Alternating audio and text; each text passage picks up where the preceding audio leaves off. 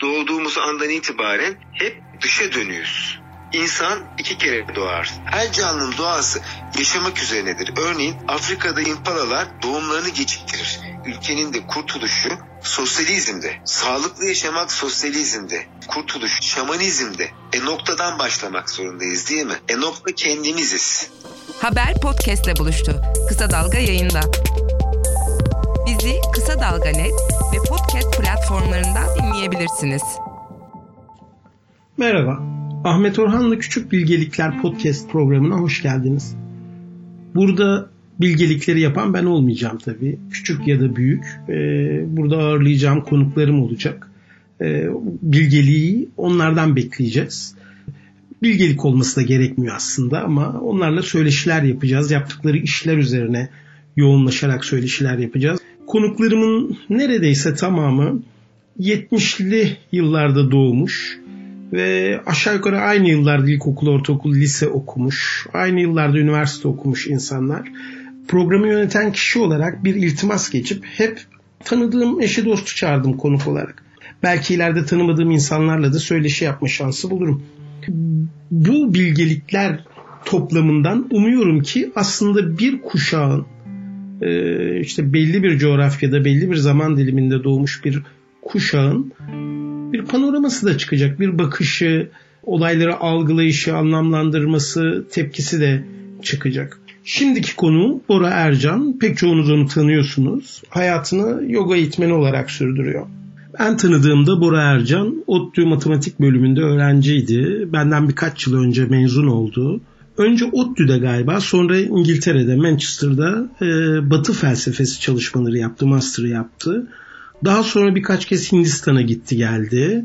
Kariyerini matematik ya da felsefe üzerine değil, her ikisini de kapsayacak şekilde yoga üzerine kurdu. Doğu felsefesiyle tıpkı Batı felsefesiyle olduğu gibi belli bir rasyonel çerçevede ilgilendi ee, ve e, bunu da çok iyi yaptığını düşünüyorum. İşte yazdığı kitaplar var, e, verdiği konferanslar var ve hala Türkiye'de e, Zihin Günleri adı altında e, konferans dizileri e, yapmaya devam ediyor. Diğer yaptığı pek çok işin yanında. Dilerseniz söyleşimize geçelim. Bora merhaba. Merhaba. Geçenlerde elime bir broşür geçti. Bir e, tıp kongresinde galiba e, konuşmacıydın. O afişte isminin yanında yogi yazıyordu. Evet ee, maalesef. Sonra şunu düşündüm. Hani Bora'yı üç sözcükle anlatacak olsam hangi sözcükleri seçerim diye düşündüm ve şunları buldum. E, matematik, felsefe ve yoga. Önce şunu sorayım. Bu tür tanımlamalardan hoşnut musun? E, açıkçası işte felsefi olarak bütün bu tanımları zaten yok etmeye çalışırken bir de tanımlar üstünde tanımlar koymak e, paradoksal olacağı için e, çekincem var. Nörobilim kongresiydi. Bana mesaj attılar. E, işte millet tabii herkes profesör doktor profesör doktor. Sen yogi koyalım dediler. Ben de yok aman Allah aşkına dedim yani o daha üstün bir sıfat. Ben şehirde yaşayan öyle profesör bir yoga eğitmeniyim. Hayatımı bununla kazanıyorum. Sonra bir baktım ekranda bilgisayarda. Sonra da güldüm kendimle öyle. Tamam dedim ne var böyleyse de böyle sonuçta. Hani çok da e, takılmamak gerekiyor bazı şeyleri. Evet. Tanım dediğimiz şey aslında bak İngilizce'de definition Latin dillerinde hep finito'dan geliyor. Yani bitişle ilgili bir şey. E, tanımladığında bir şey bitiriyorsun.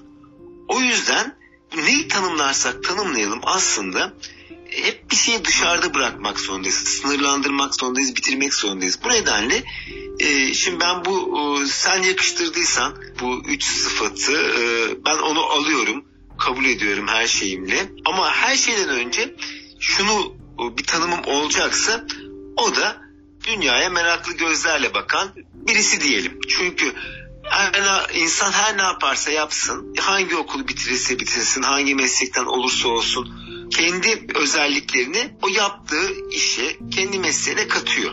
Burada, burada da sanki başka bir paradoks giriyor işin içine. Hani kişinin kendisini yaptığı işe yansıtabilmesi için önce o kişinin kendisinden e, söz ediyor olması lazım. Bunun içinde kendisini tanımlıyor olması lazım. Yani bir anlamda bir takım sıfatlarla, bir takım tanımlamalarla e, kendi farkına varmış olması gerekiyor. Öyle değil mi?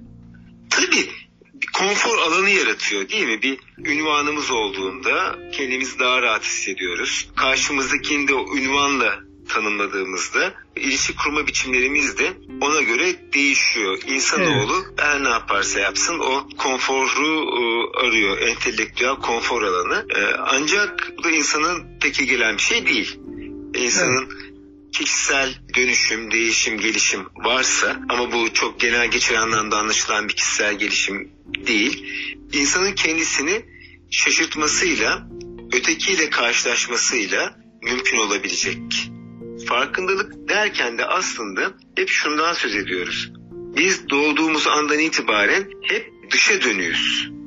Dışsal nesneleri, olguları, olayları görmek, değerlendirmek, yargılamak üzerine kurulu bir e, aile eğitimi var, okul eğitimi var, devlet eğitimi var neyse. Ancak insanın bunların dışında bir iç dünyası var değil mi? Eğer böyle bir dünyanın varlığına zaten çok da inanmıyorsak e, pek de sorunumuz olmayabilir. Hani ama e, bir şeyler varsa o zaman bu nedir?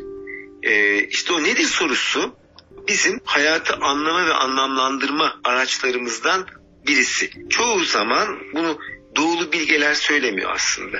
Batılılar da söylüyor. İnsan iki kere doğar diyorlar. Birisi fiziksel doğum. Diğeri neden doğduğumuzu anladığımız zamanki doğum.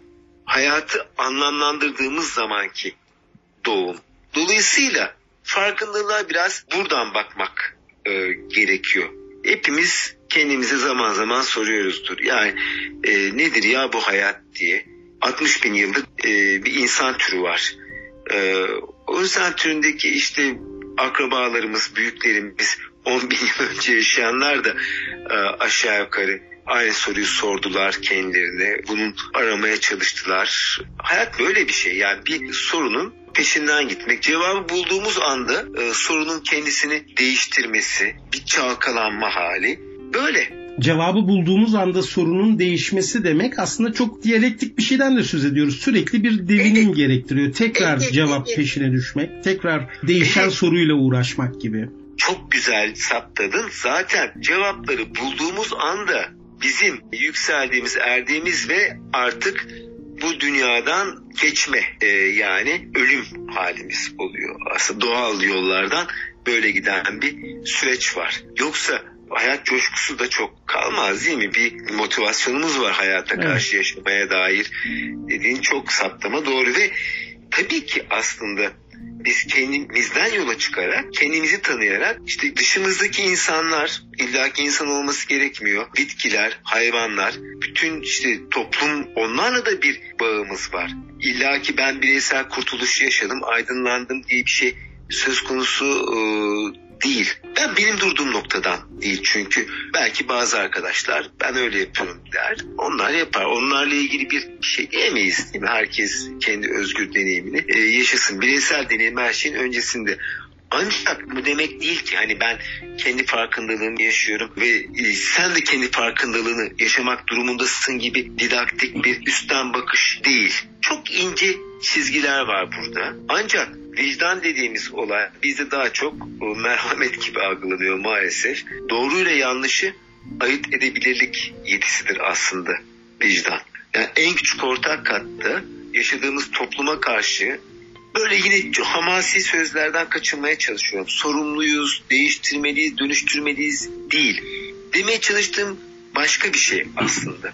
Demeye çalıştığım her birey kendi farkındalık deneyimini yaşayabilme potansiyeline sahip. Her birinin kendi iç dünyası çok zengin. Peki her insanın bu zengin iç dünyasının keşfi ya da kendi farkındalığına ulaşması aslında belli bir mücadelenin ardından gerçekleşiyor değil mi? Belli bir sorgulama sürecinin ardından gerçekleşiyor. Bir de işte o birlikte yaşadığımız bu çevreyle, bu insanlarla, bu e, diğer canlılarla olan bir mücadele alanımız daha var. Bu iki mücadele alanının birbirine ilişkisi konumu nasıldır Boray? Bunlar bir gerilim içinde mi ya da bir birliktelik içinde mi? Ya da bunların karşılaştığı anda ne oluyor aslında?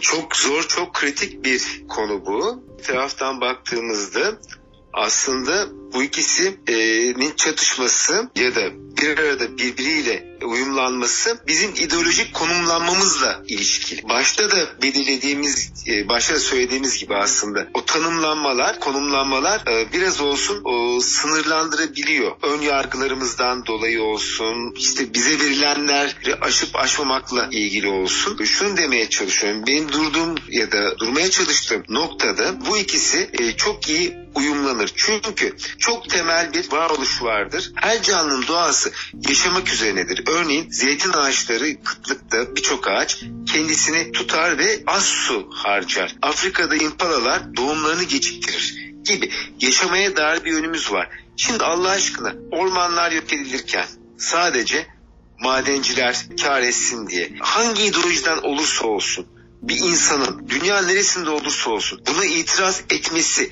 çok doğal bir şey değil mi? Bakıyorum şu anda Türkiye'de insanlar çok basit gıda politikalarından dolayı panik içindeler.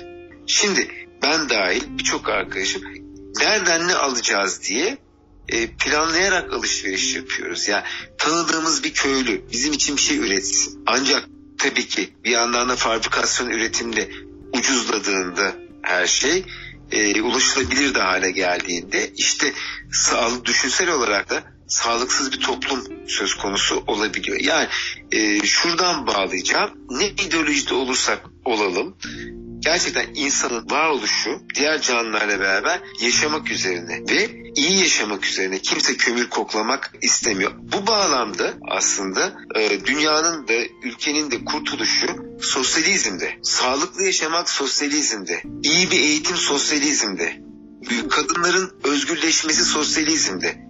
Ya neden günümüzde insanlar sosyalizm kelimesini artık etmekten çekinir hale geldiler? Bunu an, anlamak mümkün değil. Çünkü bu sağlıksızlık, bu çevre sorunları, bu hayat sorunları hatta biraz daha abartayım. Kurtuluş şamanizmde yani sosyalist bir şamanist sistem kurulabilir. E, çünkü doğaya yaşadığına paganizmde saygı duymak, sürdürülebilir hale getirmek. Ya bu sadece Türkiye özelinden değil tabii maalesef dünyada artık aldı başına gidiyor birçok konuda ancak diyeceğim bu. Yani bir insanın ruhsallıkla ilgilenmesi, bir toplumun ruhsallıkla ilgilenmesi ideolojik duruş açısından onun o, sosyalist olmasına hiç engel değil. Nitekim bunun en güzel örneği Hindistan'daki Kerala eyaletidir. Kulağınız bizde, kısa dalgada olsun. Haber podcastle buluştu. Kısa Dalga Podcast. Evet, Kerala deneyimini e, öğrenmeyi gerçekten çok istiyorum. Kerala Hindistan'ın güneyinde. Hindistan aslında Amerika Birleşik Devletleri gibi bir ülkedir. Yani birçok bir eyaletten oluşur. Tam sayıyı hatırlamıyorum. 30'a yakın eyalet olması gerekiyor. Hı hı. Ee, her eyaletin kendi yönetimi var. Özerk diyelim. Bu eyaletlerden Hindistan'ın güneybatısında yer alan Kerala bölgesi son 70 yıldır komünizmle idare ediliyor. Hı, çok ilginç. Ve e, Ayurveda'nın, yoganın çıkış yeri orası. Peki Ve Bora, e, pardon araya giriyorum. Peki üretim araçlarının e, mülkiyet konusunda nasıl bir e, tutumları var? Üretim toprak evet. reformunu yapmışlar. Şimdi ben Hindistan'ı son 30 yılını e, biliyorum. Defalarca gittim geldim. Kerala'nın nüfusu, demografisi e, yüzde 40 Hristiyan, yüzde 30 Hindu, yüzde 30 Müslüman. Ve halk arasında bir çatışma yok. Hindistan çok hani e, şimdi biraz zenginleşti ama genelde yoksul bir ülke olarak bilinir. Hala da işte dilencilik yaygındır. Kerala'da dilenci yok. Çocuklar çok temiz. Çok iyi bir eğitim sistemi var. E, hastaneler ücretsiz ve o e, çok güzel görünen tropik kokonat ağaçları vardır ya Hindistan cevizi ağaçları. Evet, evet. Aslında öyle bir toprak reformu yapmışlar ki onların her birinin sahibi var. O kokonatları e, Hindistan cevizlerini toplayarak aslında bir anlamda kimlikleri de var. Yani bir toprak ağ, ağlığı sistemi gelişmemiş.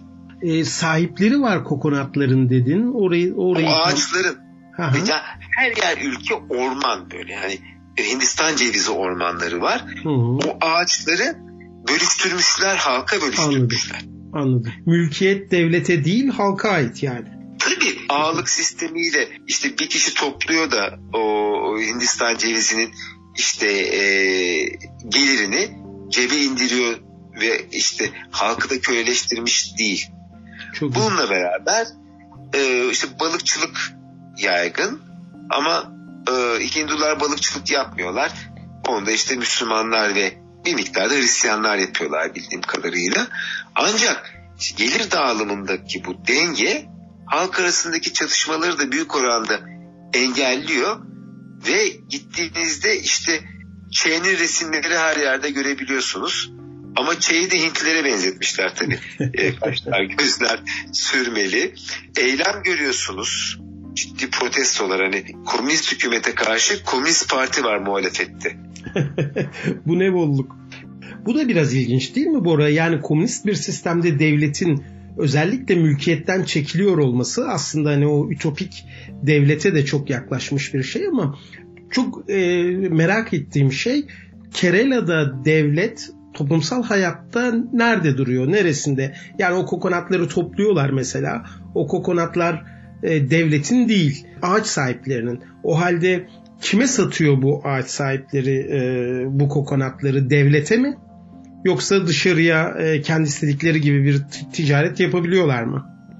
Ee, şöyle, e, bildiğim kadarıyla e, devlet e, tabii ki devlete satıyorlar ve devlet pazarlıyor ya da devletle bağlantılı olan e, elbette bir takım e, şeyler vardır. Yani hani kooperatif orada belki. da sonuçta e, kooperatif vari yapılanmalar e, söz konusudur. Dediğim gibi gördüğüm kadarıyla, izlediğim kadarıyla, bulunduğum kadarıyla e, şey yok. İşte sokakta hayvan yok. Çok temiz. Altyapı hizmetleri çok iyi. Örneğin her yerde Hindistan'da sel olur. Çünkü musonlar sel yapar. Ancak Kerala'da sel olmaz yani selden çok ciddi bir sel oldu afet derecesinde ama onu bile kotardılar izlediğim kadarıyla. Bir de dünyadan da destekler var. Ancak tabii gelenekle de barışıklar.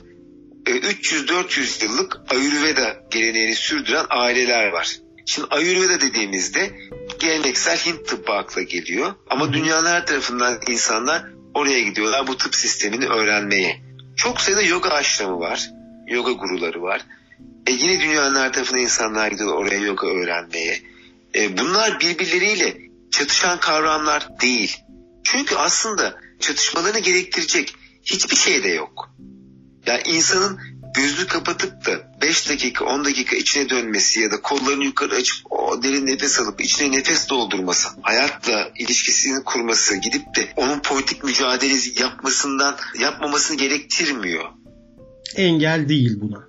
E niye engel olsun ki sonuçta?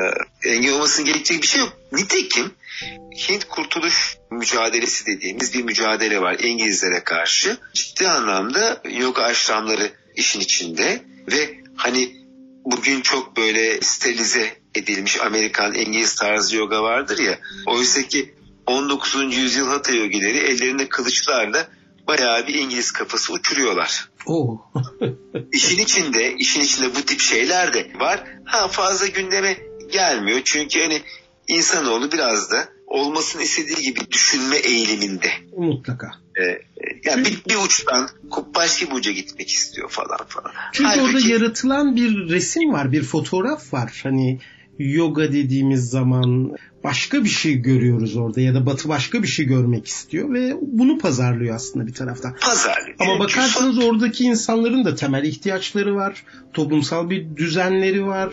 Üretecekler, tüketecekler, birbirleriyle etkileşime girecekler. E tabii ki bunlar hepsi çok insani, hepsi bu dünyalı şeyler. Tıpkı söylediğin gibi nefes almak gibi. Hani kollarını kaldırıp oh diyerek nefes almak gibi çok aslında çok etkileyici bir deneyim e, bu anlattıkların.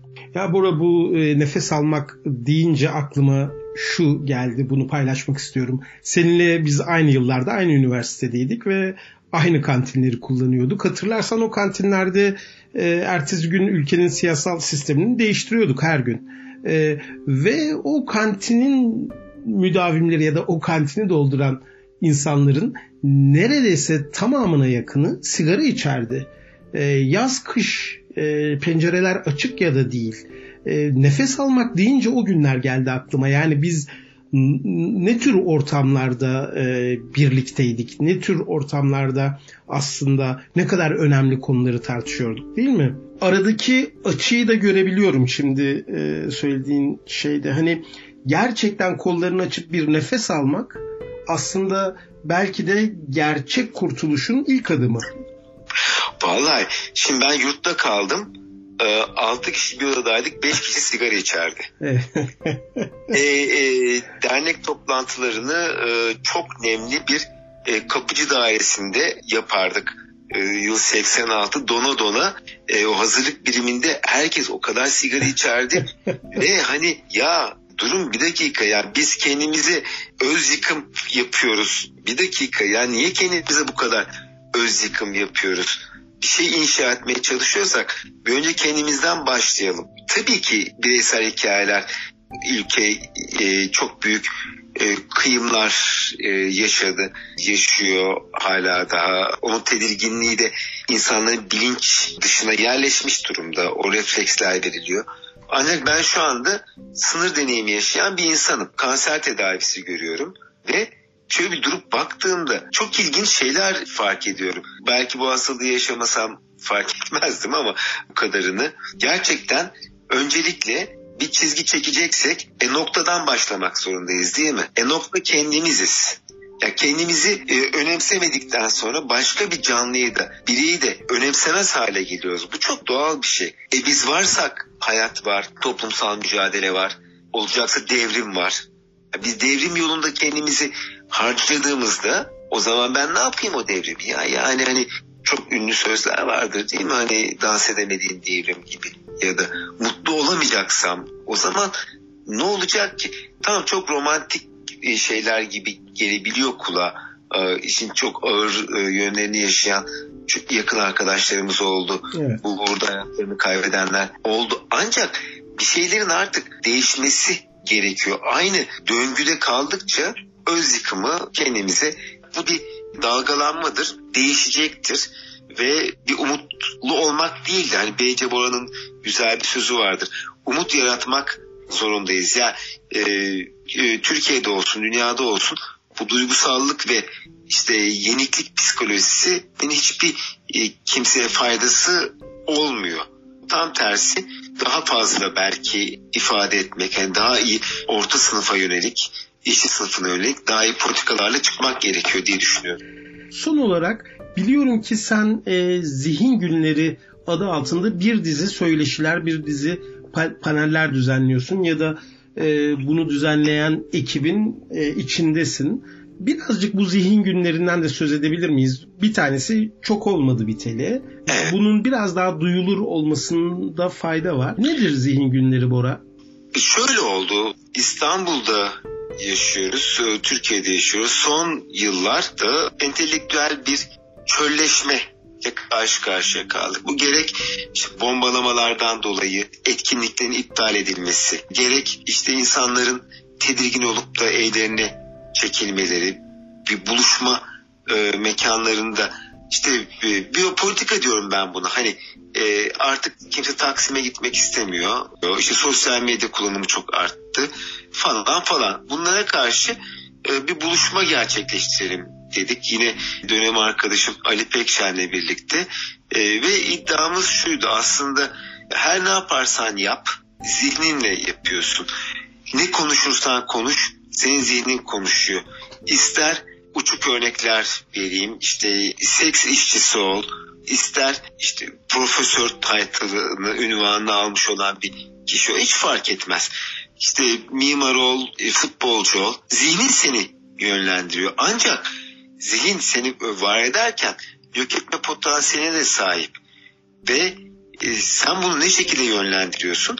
Buradan yola çıktık ve etkinliklere e, yakın çevremizden bilgili arkadaşlarımız, işte müzisyen arkadaşlarımız olsun, mimar arkadaşlarımız olsun, felsefeciler, fizikçiler, matematikçiler salonlar tuttuk. Tabii e, çok fazla bir desteğimiz yok. İnsanlar alışkın da değiller böyle bir akademi dışı özgür bir konuşma alanında. Sonuçta evet. hani spesifik konularda akademi bünyesinde bu tip kongreler yapılıyor. Ancak mesleki kongreler bu tamamen meslek dışı. Herkesin katılımına açık. Meditasyon öğretmeni arkadaşlarımız geldi. Yoga eğitmeni arkadaşlar, çiğ komşular. Bir buluşma gerçekleştirdik geçen yıl. Çaldık, söyledik, türkü söyledik. Ee, ardından e, işte oda orkestrası oldu. İşte bir böyle bu yılda yine bunun benzerini yapmaya çalıştık. Hatta bu yılki sempozyumları e, seminerle kitap haline de getirmeyi düşünüyoruz. Yani normal şartlar altında aynı çatı altında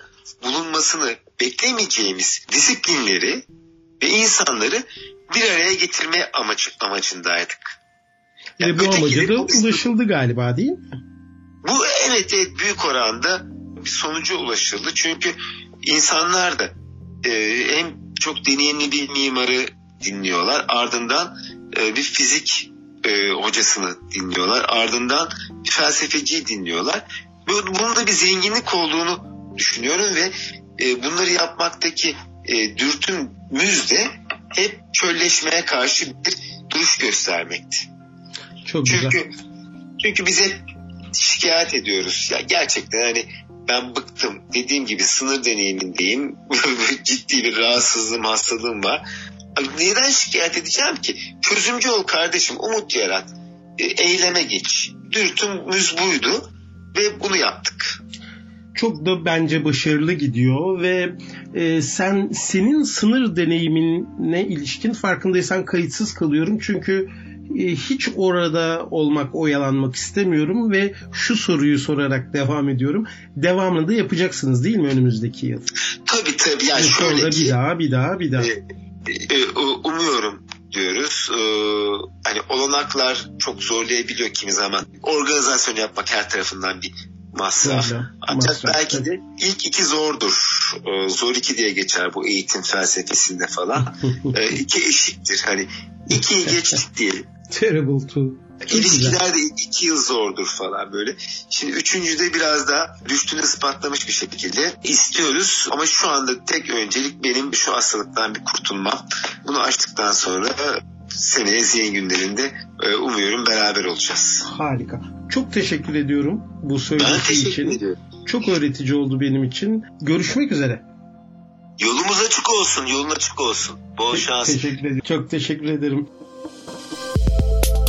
Bizi Kısa Dalga Net ve podcast platformlarından dinleyebilirsiniz.